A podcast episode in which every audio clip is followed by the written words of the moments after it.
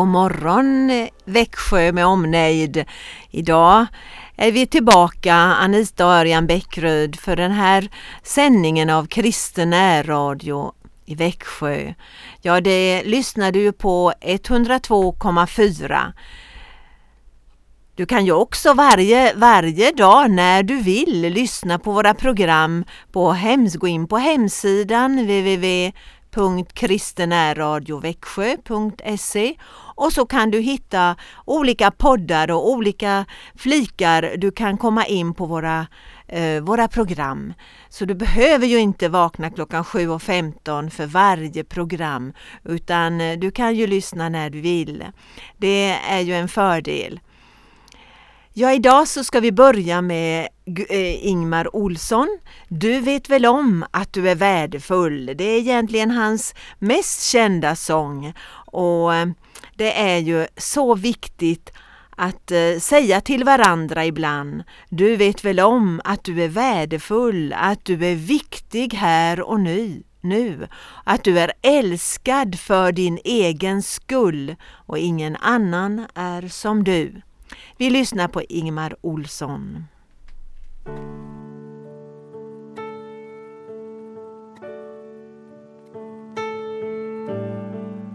Du vet väl om att du är värdefull. Att du är viktig här och nu. Att du är älskad för din egen skull. Ingen annan är som du. Det finns allt för många som vill tala om att du bör vara si och så. Gud fader själv, han accepterar dig ändå. Och det kan du lita på. Du vet väl om att du är värdefull. Att du är viktig här och nu. Att du är älskad för din egen skull. För ingen annan är som du. Passar in i själva skapelsen. Det finns en uppgift just för dig. Men du är fri att göra vad du vill med den. Säga ja eller nej. Du vet väl om att du är värd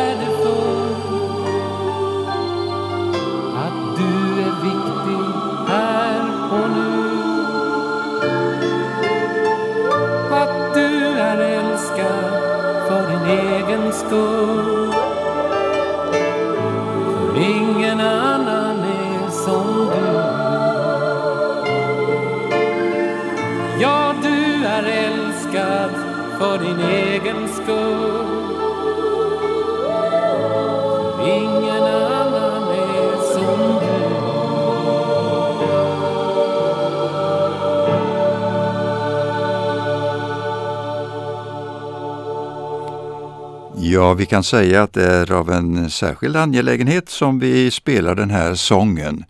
Ja, inte bara att den väldigt fint talar om friheten i ett kristet tjänande. Eh, det är ju så att eh, vi har frihet att säga ja, att säga nej. Men eh, det största av allt är ju när vi säger ja till Guds kallelse. I lördags Eh, förra veckan ja, så eh, hade vi en återträff som det kallas i Huskvarna. Eh, det var faktiskt så att organisationen Operation Mission, OM som man kallar det och som förr kallades för Operation Mobilisering, hade en återträff för dem som hade engagerat sig i den rörelsen på 60-talet, 1960-talet. Ja, då kan man ju ställa sig frågan, hur ser då dessa människor ut som samlas så många år efteråt? Ja, det förstår du att det var en ganska gråhårig skara och gråa skägg. Men det som fascinerade på ett särskilt sätt det var att den varma glöd och den intensitet som eh, dessa personer upplevde så tidigt som på 60-talet, ja tidigt eftersom de var väldigt unga då. Många var tonåringar och greps med i den här visionen att Guds rike måste spridas. Man kan ju ställa sig frågan om det här om kristen mission och påverkan. Men jag brukar säga det att kristen tro är per definition missionerande. Det är så oerhört viktigt. Om vi inte för budskapet vidare, detta glada budskap om Jesus och om tron på honom, ja då lyder vi ju inte missionsbefallningen den som vi kanske kommer att höra eh, läsas här i slutet av vår sändning den här tidiga morgonstunden. Men eh, nu var det särskilt glädjande att möta eh, de här personerna som kom samman. Och I den skaran fanns också Ingmar Olsson. Jag var på samma sommarkampanj som det hette 1966 och eh, jag själv åkte tåg till Bryssel där eh, samlingen var. Och där samlades vi, eh, nästan ett tusental ungdomar ifrån hela Europa och ifrån eh, Amerikas Förenta stater och Kanada också. Eh, ja, jag tror en del kom till och med från Australien. Eh, vi samlades för att inspireras Eh, att bemöta människornas behov i just den tiden. Och det som var kännetecknande för den tiden, det var ju revolutionsandan. Det här var ju strax före 68 och 68-våren som ju på ett särskilt sätt Eh, bröt fram i Frankrike och som jag senare eh, på, från 1970 eh, kom i kontakt med. Det fanns ju efterdyningar och när jag då gick på Sorbonneuniversitetet så hade de ju asfalterat alla gatorna utanför universitetet för där hade ju ungdomarna två år innan brutit upp gatstenarna och byggt barrikader och slängt sten. Det var ett ivrigt gäng som höll till där. Och det har du säkert följt kanske och läst om om du var för ung för att vara, om du är för ung idag för att ha varit med på den tiden. Men eh, eh den kristna ungdomsskaran upplevde också i den här perioden en stor entusiasm. Och eh, det blev så eh, att eh, 1969 så var det några ungdomar i Stockholm som eh, bad George Verver, som var ledare för den här organisationen och som samlade tusentals ungdomar ut i missionstjänst och eh, hjälpverksamhet. Och eh, de hyrde Konserthuset i Stockholm. Och inför konferensen så eh, var ju de här ungdomarna väldigt ivriga. De hade hyrt eh, Konserthuset i Stockholm för mötena. Och till en början så var ledningen för Konserthuset skeptiska till att hyra ut lokalen. Men eh, när en av ungdomarna bedyrade att han hade en rik far, ja då gick de till slut med på det. samtidigt så bad ju de andra intensivt tillsammans med många andra att denne himmelske far verkligen skulle förse dem med de pengar som de behövde. Konferensen skulle ju vara gratis och på den tiden ansågs det både oandligt och opassande att tala om pengar och ännu mindre att be andra om det. Eh, konserthuset blev fullsatt till sista plats och då ska vi tänka på att det är ju i den eh, lokalen som Nobelpriset snart kommer att utdelas. Och tänk då att dessa kristna ungdomar tog detta initiativ. Men då var det en eh, pappa till en av de där ungdomarna, Agneta hette flickan, han tyckte i alla fall att de skulle ställa ut korgar vid utgångarna så att om någon ville bidra till konferensen så fanns det i alla fall möjligheten att lägga ett bidrag. Och Agneta gav till slut med sig och korgarna ställdes ut. Och efter konferensen räknade de pengarna som kommit in. Och Agneta minns fortfarande chocken. Det var precis på kronan vad det kostade att hyra Konserthuset. Än en gång hade Gud visat sig trofast. Och det här, den entusiasmen den spred sig ju oerhört. Och eh, vi eh, var ju med eh, i den här eh, rörelsen och eh, eh, det var fantastiskt för min del. Jag vistades 14 dagar i Bryssel och hade läst lite grann spanska och skulle hjälpa till i en spansktalande församling där att eh, nå ut lite grann till de olika spansktalande eh, områdena i stan och det var ju en märklig uppgift. Där var jag med om någonting märkligt också. En pastor som predikade samtidigt på tre språk. Flamländska, franska och engelska. Och så pass mycket kunde jag hänga med eh, naturligtvis på engelskan men även på franskan. Och jag märkte att ibland var han lite längre fram i sin predikan på ena språket än det andra men han missade aldrig han använde verkligen sin gåva för att tjäna Gud i en sån mångkulturell situation. Sen eh, följde jag med eh, en grupp ungdomar till Österrike och där gick vi och Eh, jag knackade dörr, det är väl lite svårt att säga för att vi gick på landsbygden där utanför staden Linz. Och eh, det var backe upp och backe ner och varmt och jobbigt var det.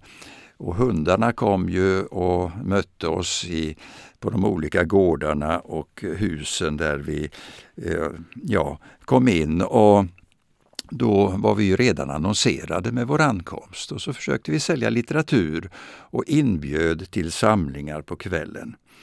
Och det här är ju sådana här fantastiska upplevelser, hur vi fick märka att eh, vi hade bara det som kallas för emergency money med oss, alltså om vi skulle behöva på något vis eh, ringa något samtal eller något. Det var inte många slantar.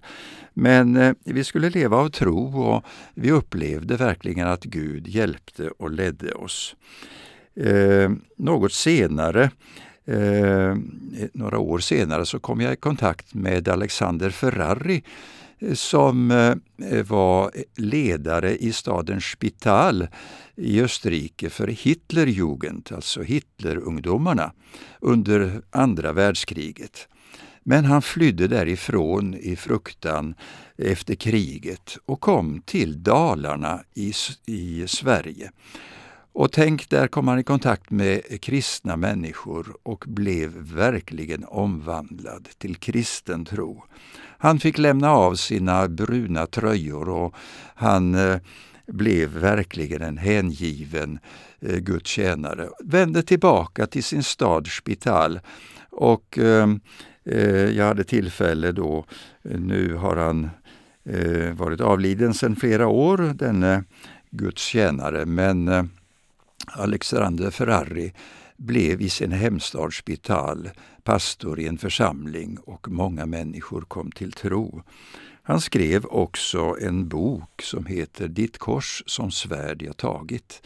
Och eh, det är ett, en gripande skildring som kanske man kan få tag på i något antikvariat eller så.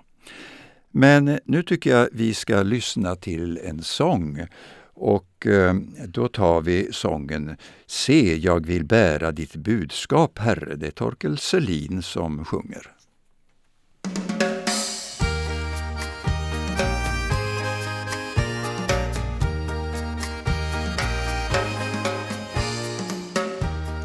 Ty så högt älskade Gud världen att han utgav sin enfödde son för att var och en som tror på honom icke ska gå förlorad utan ha evigt liv.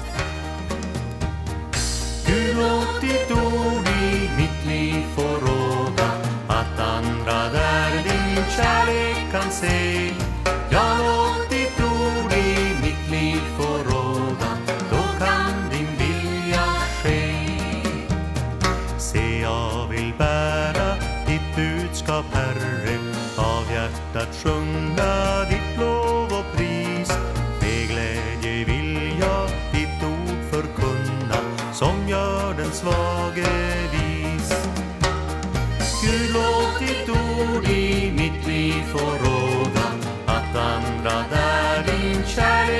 se.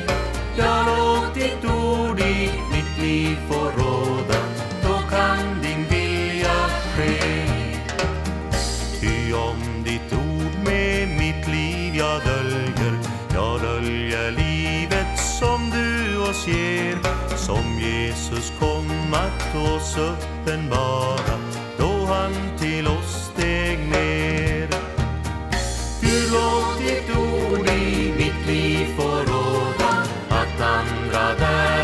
kärlek kan se. Ja, låt ditt ord i mitt liv få råda, då kan din vilja ske. Gud, låt oss känna din andes ledning så att vi vet att din väg vi går. Låt elden brinna i våra hjärtan till dess vi målet når. Gud, låt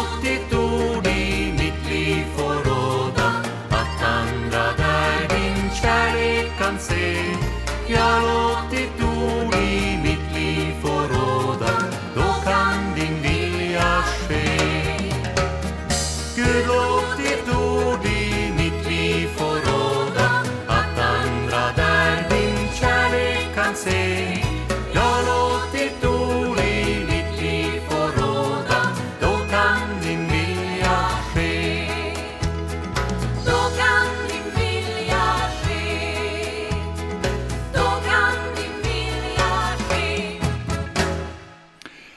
Ja, den här sången talar väl så fint om att det är vårt inre liv som ska lysa fram igenom oss.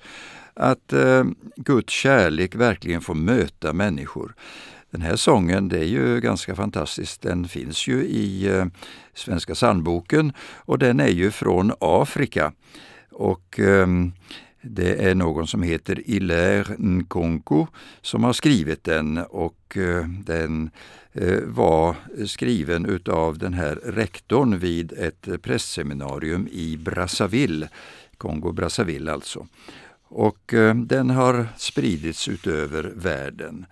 Ja, eh, vad blev det då av de här som vi träffade eh, i Huskvarna förra eh, lördagen? Ja, eh, flera har blivit engagerade i utlandstjänst. Många i Asien, i länder som Pakistan, Indien, Bangladesh och Afghanistan bland annat. Och många mötte också någon som blev en livspartner. Det var faktiskt en fråga som ställdes. Hur många i den här samlingen av ett 80-tal personer är det som har funnit varandra genom Operation Mobilisering eller Operation Mission? Och det var flera händer som räcktes upp. Och så blev det. Det blev eh, eh många äktenskap och, och Flera flyttade bland annat till, eh, ja vi mötte ju eh, några kära vänner ifrån Frankrike. En fransk pastor var med med sin svenska fru. Och eh, vi har inte träffats på många år. Men eh, vi minns ju varandra från de här kampanjerna och de här situationerna. Eh, två stycken utav dem som var samlade i eh, den här återträffen de har varit präster i Svenska kyrkan sedan, bland annat i Östersund och i Floda utanför Göteborg. Och eh, det var väldigt gripande också att höra deras väg och deras eh, vittnesbörd om sin väg till eh, en livstjänst. Eh, jag skulle gärna vilja eh, nämna något ifrån ett utav de nedtecknade eh, vittnesbörden. Det är Jan Turner, han är bosatt i Ekenäs i Finland för att han träffade just sin finska eh, eh, fru då eh, och de gifte sig eh, efter att ha varit med på de här kampanjerna. Eh, det är så att Jan ska vara med imorgon eftermiddag, berättade han för mig, eh, på ett språkcafé i Betelkyrkan i Ljungby. Där samlas många nyanlända och får en jättefin träning Eh, i svenska språket och de bakar tillsammans och de har jätteroligt och eh, tränas in i svenska samhället.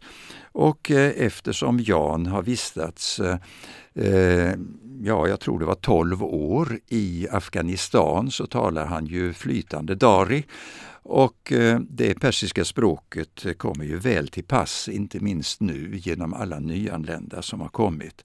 Och vi har tipsat vänner ifrån eh, trakterna däromkring eh, eh, Ljungby att de ska vara med i, eftermiddag, i morgon eftermiddag. Ja. Och han skriver så här att en vacker kväll 1966 råkade jag komma till en kvällssamling i Missionskyrkan i Ljungby. Där fanns jag ofta med i SMU, scout, junior, senior, söndagsskola, ungdomskör och blåsorkester. Men allt detta stod mig nu upp i halsen. Jag var en halvdeppig tonåring som gick näst sista året i gymnasiet. Läroverkets kristna förening hade tipsat mig om det här kvällsmötet.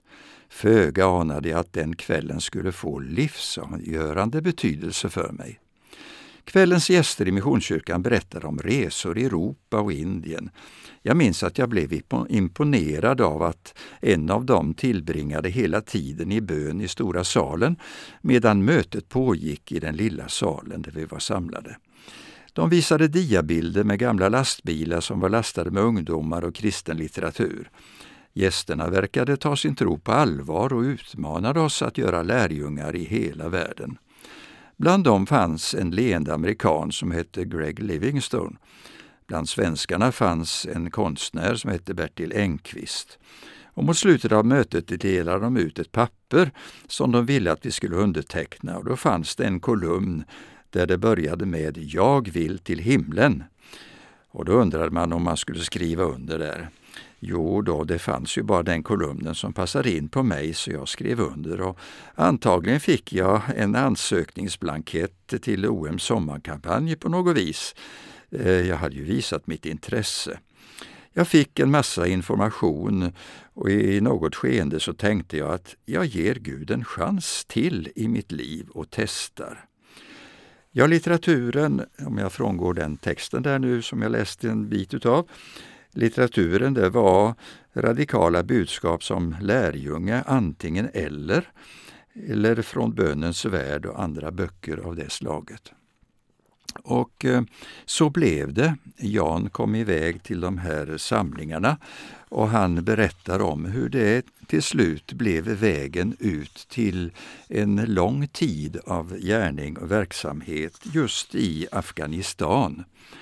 Och eh, när eh, han berättar här i den här händelsen att eh, när Sovjetunionen invaderade eh, Afghanistan 1979 då for våra amerikanska teamledare hals över huvud ut till Pakistan och lämnade oss i Afghanistan. Jag brukar säga att jag aldrig lämnat OM utan OM lämnade oss. Ja, han blev kvar i den situationen där och eh, kunde fortsätta en tid men blev sedan eh, tvingad, när talibanerna tog över vid det tillfället, att lämna. Precis som talibanerna har jagat ut många kristna just i dessa tider. Ja, eh, en del andra utav deltagarna de startade upp ett eh, satellitprojekt med utsändning av kristet budskap på den satellitsändningen som kallas för SAT-7 eller satellit 7 och eh, det når hela eh, arabisktalande och persisktalande delen utav vår värld idag. Och det är 300 arbetare som är med i det projektet. Eh, det har blivit ringar på vattnet och eh, många andra. Vi träffade några vänner som eh, hade varit ett långt liv verksamma i Bangladesh och inte minst alla de som satsade för att Guds församling skulle växa också här i Europa. Och det är viktigt. Vi har just nu i Växjö ett ungt par, Daniel och Paulina, som eh, lämnar en fast tjänst, Daniel som yrkesmusiker och Paulina som sjuksköterska på lasarettet i Växjö. Och de reser till Norge för att eh, eh där få en träning och undervisning för att sedan hjälpa församlingar på Färöarna och likaså eh, nere i Slovenien. Eh, ja, men det är ju lite varierande uppgifter de har framför sig under ett år av tjänstledighet. Men så är det. Många går ut med budskapet om Jesus Kristus. Och du kanske möter också människor, jag hoppas det, som talar levande om sin tro. Vi ska lyssna nu på sången Att tjäna dig. Hasse Hellström sjunger.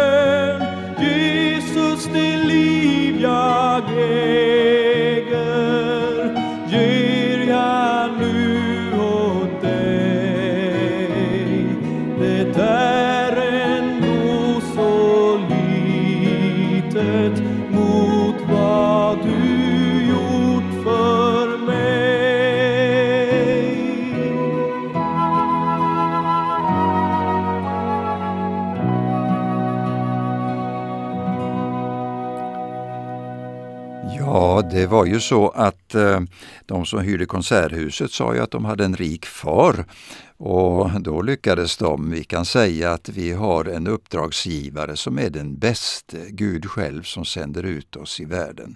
Anita, läs det här ifrån Guds ord. Ja, Jesus sa till lärjungarna åt mig har getts all makt i himmelen och på jorden. Gå därför ut och gör alla folk till lärjungar. Döp dem i Faderns och Sonens och den helige Andes namn och lär dem att hålla alla de bud jag har gett er. Och jag är med er alla dagar till tidens slut. Ja, och så är Herren med dig idag. Det ska du veta. Gud välsigne dig du som har lyssnat. Tack ska ni ha.